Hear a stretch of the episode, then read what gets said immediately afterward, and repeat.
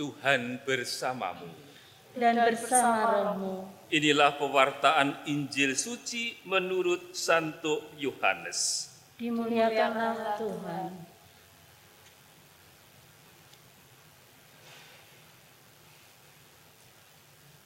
Lalu kata Yesus, Beginilah hal kerajaan Allah itu. Seumpama orang yang menaburkan benih di tanah, lalu pada malam hari ia tidur dan pada siang hari ia bangun, dan benih itu mengeluarkan tunas, dan tunas itu makin tinggi, bagaimana terjadinya tidak diketahui orang itu. Bumi dengan sendirinya mengeluarkan buah, mula-mula tangkainya, lalu bulirnya, kemudian butir-butir yang penuh dengan isinya dalam bulir itu. Apabila buah itu sudah cukup masak, orang itu segera menyambut sebab musim menuai sudah tiba. Katanya lagi, dengan apa hendak kita membandingkan kerajaan Allah itu? Atau dengan perumpamaan manakah hendaknya kita menggambarkannya? Hal kerajaan itu seumpama biji sesawi yang ditaburkan di tanah. Memang biji itu yang paling kecil daripada segala jenis benih yang ada di bumi. Tetapi apabila ia ditaburkan, ia tumbuh dan menjadi lebih besar daripada segala sayuran yang lain dan mengeluarkan cabang-cabang yang besar sehingga burung-burung di udara dapat bersarang dalam naungannya. Dalam banyak perumpamaan yang semacam itu, ia memberitakan firman kepada mereka sesuai dengan pengertian mereka. Dan tanpa perumpamaan, ia tidak berkata-kata kepada mereka, tetapi kepada murid-muridnya, ia menguraikan segala sesuatu secara tersendiri. Demikianlah sabda Tuhan. Terpujilah Kristus.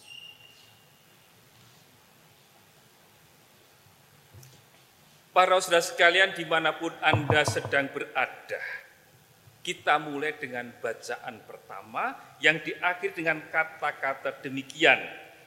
Ketika orang-orang kota itu keluar menyerang dan berperang melawan Yoab, maka gugurlah beberapa orang dari tentara, dari anak buah Daud, juga Uria orang Het itu mati.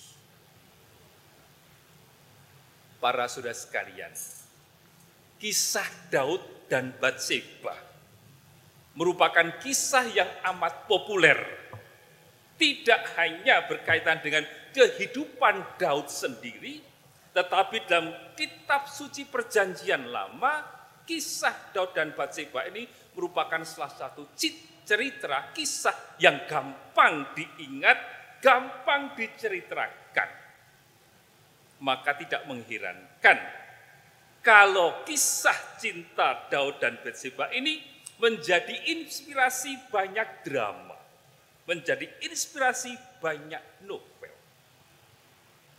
Tetapi para saudara sekalian kita tahu apa yang mau dikisahkan dalam cerita ini.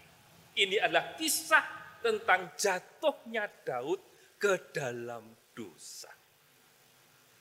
Dan itulah memang yang dimaksudkan kalau kita bicara tentang panji setan. Sesuatu yang menarik. Sesuatu yang mudah menarik untuk dikisahkan. Disebarluaskan, dikampanyekan. Tetapi pada ujung-ujungnya yang dikisahkan ini adalah mengenai kisah tentang bagaimana seseorang yang hidupnya semakin jauh dari Tuhan. Dan itulah memang cara hidup yang dikampanyekan oleh Panji Setan. Yaitu nilai-nilai kehidupan yang semakin menjauh dari Tuhan. Kalau kita perhatikan para saudara bacaan pertama, kita akan melihat bahwa dalam seluruh bacaan tadi tidak ada satu kata pun disebut tentang Tuhan. Kalau nanti pulang, membuat muka kitab suci, bukalah 2 Samuel bab 11. Mungkin teman-teman saudara akan kaget bahwa dalam seluruh bab 11 itu tidak ada satu kata pun disebut tentang Tuhan. Dan itulah yang dibuat oleh Daud. Daud yang bergulat dengan dirinya, Daud yang sedang melakukan sesuatu, tetapi saat itu sungguh-sungguh tidak ada satu kata pun disebut tentang Tuhan.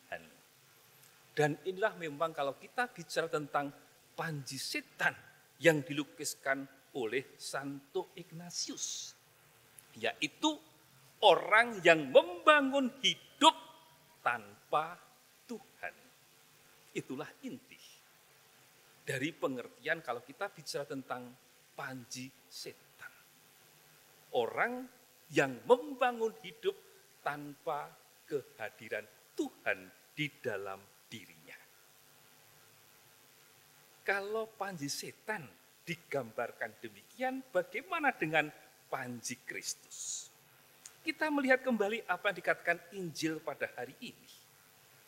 Malam hari ia tidur, siang hari ia bangun, dan benih itu mengeluarkan tunas, dan tunas itu makin tinggi.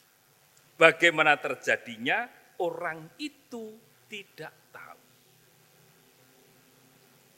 para saudara sekalian, banyak peristiwa dan kejadian dalam kehidupan kita ini, kehidupan kita sehari-hari yang berjalan begitu saja di luar perhatian kita. Kalau kita lihat kehidupan kita, bangun, mandi, sarapan, pergi bekerja sampai siang sampai sore, pulang, mandi, makan, ketemu atau baca sesuatu, tidur lagi. Itulah perputaran kita seperti itu. Hal-hal yang biasa yang terjadi. Tetapi di tengah-tengah hal yang demikian ini pertanyaan kita, sesederhana itukah hidup kita? Kita kembali pada perumpamaan dalam Injil. Kerajaan Allah itu seumpama orang yang menabur benih. Maka jelaslah perumpamaan ini diawali dengan suatu tindakan tertentu.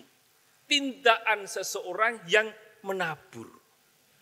Tanpa tindakan menabur ini, maka kisah yang berakhir dengan panen menuai tidak akan terjadi. Maka kita bisa bertanya, siapa yang menabur? Itulah model lukiskan Tuhan yang menabur benih di dalam kehidupan kita. Tanpa ada yang menabur ini, masa maka kisah pertumbuhan benih itu juga tidak akan ada dan tidak akan terjadi. Maka maksud dari perumpamaan menjadi jelas bagi kita. Bahwa sekalipun di luar perhatian kita, hidup kita mengalir begitu saja, yang mau ditunjukkan oleh perumpamaan adalah bahwa Allah hadir di dalam perputaran waktu tadi. Allah hadir dalam ritme hidup harian kita. Allah hadir juga di waktu-waktu yang kita abaikan, yang tidak kita perhatikan. Maka jelas bahwa Allah tidak membiarkan benih yang ditaburkan itu mati. Allah merawat apa yang ditaburkan sampai pada puncaknya yaitu saat menuai, saat panen. Oleh karena itu para saudara sekalian, kalau kita berbicara tentang panji Kristus, sebenarnya kita sedang bicara tentang nilai-nilai kebaikan yang ditabur oleh Allah di dalam kehidupan kita. Nilai-nilai yang tumbuh dalam perjalanan waktu, sekalipun tidak kita perhatikan, tidak kita sadari, tetapi Allah merawatnya. Supaya benih yang ditaburkan itu akan sampai pada puncaknya, yaitu masa panen. Oleh karena mungkin benih yang ditaburkan Allah dalam diri kita itu tidak menciptakan drama. Tidak menjadi inspirasi sebuah novel. Tidak menjadi sebuah cerita. Tetapi benih yang ditaburkan Tuhan itu tetap tumbuh dalam sepi, dalam diam. Atau kalau kita meminjam kata-kata Rasul Paulus, apa yang ditaburkan Allah di dalam perumpamaan tadi. Rasul Paulus melukiskannya sebagai nilai-nilai yang kita dalam konteks pembicaraan kita, nilai-nilai panji Kristus yaitu kasih, sukacita, damai sejahtera, kesabaran, kemurahan, kebaikan, kesetiaan, kelemah lembutan dan penguasaan diri. Inilah yang ditaburkan Tuhan di dalam kehidupan kita. Yang tumbuh dalam diam. Yang tumbuh kadang-kadang tanpa perhatian kita. Oleh karena itu saudara-saudara sekalian, kalau panji setan adalah gaya hidup yang dibangun tanpa Tuhan, gaya hidup yang dibawakan yang menjauhkan kita dari Tuhan, Panji Kristus sebaliknya adalah gaya hidup yang dibangun dalam nama Tuhan dan bersama dengan Tuhan. Oleh karena itu, pilihan-pilihan kecil di dalam hidup kita, di dalam hidup harian kita, akan turut mewarnai dan menentukan pilihan-pilihan kita dalam kehidupan kita, tetapi juga menentukan keberpihakan kita. Apakah kita berpihak pada panji Kristus ataukah kita berpihak pada panji setan?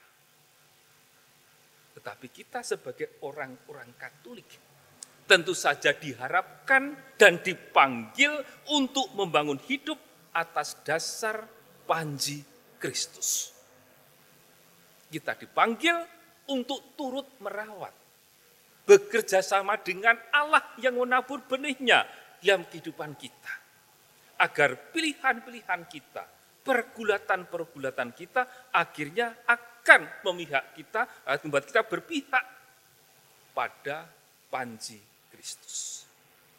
Maka malah kita mohon rahmat dalam Ekaristi ini supaya dengan perantaraan Santo Ignatius yang kita rayakan 500 tahun pertobatannya, juga membantu kita untuk bertobat setiap hari.